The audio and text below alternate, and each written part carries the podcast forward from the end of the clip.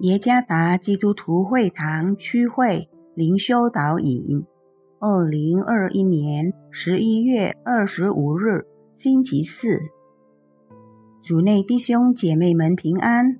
今天的灵修导引，我们要借着圣经耶利米哀歌第三章二十二到二十三节来思想今天的主题：上帝的慈爱与关怀。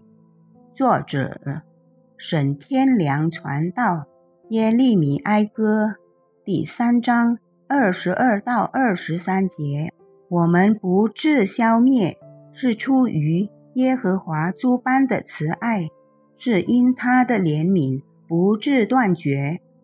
每早晨，这都是新的。你的诚实极其广大，你可能听过。甚至唱过这首赞美诗：“主啊，你信实慈爱永无止境，你赐给我的恩典都是新的，日复一日，我仍然看见你的慈爱在我生命中永无止息。”当你唱这首赞美诗时，有什么感觉？我每次唱这首赞美诗时，都会再次被提醒天父引导和关顾他儿女的信实和慈爱。他每时每刻的保护、引领，度过各种情况。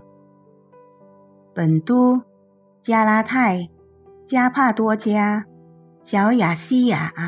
和必推尼的初期基督教会声称相信耶稣基督是神的，必遭受痛苦；自奉为神的罗马皇帝追赶他们，并强迫他们否认他们的信仰。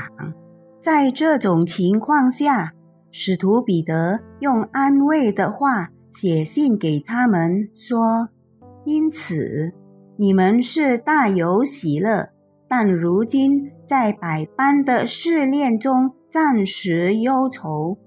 参看彼得前书第一章第六节。在新冠肺炎疫情大流行以及我们目前面临的其他各种挣扎所带来的困难和限制中，是否？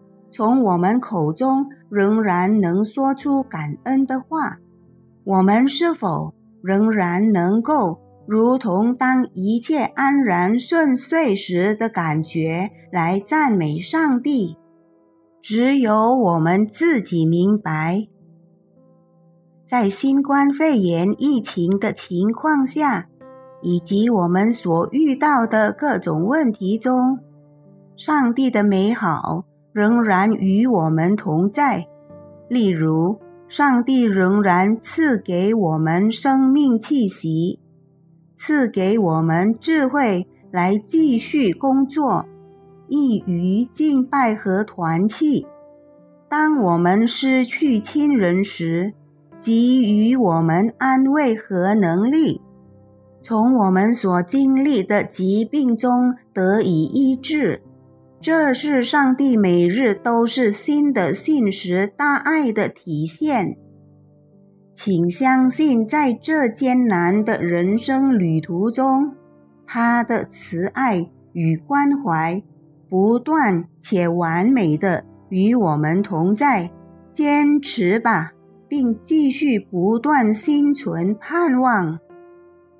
上帝的慈爱与关怀对于。居住在它里面的人来说，总是显明的。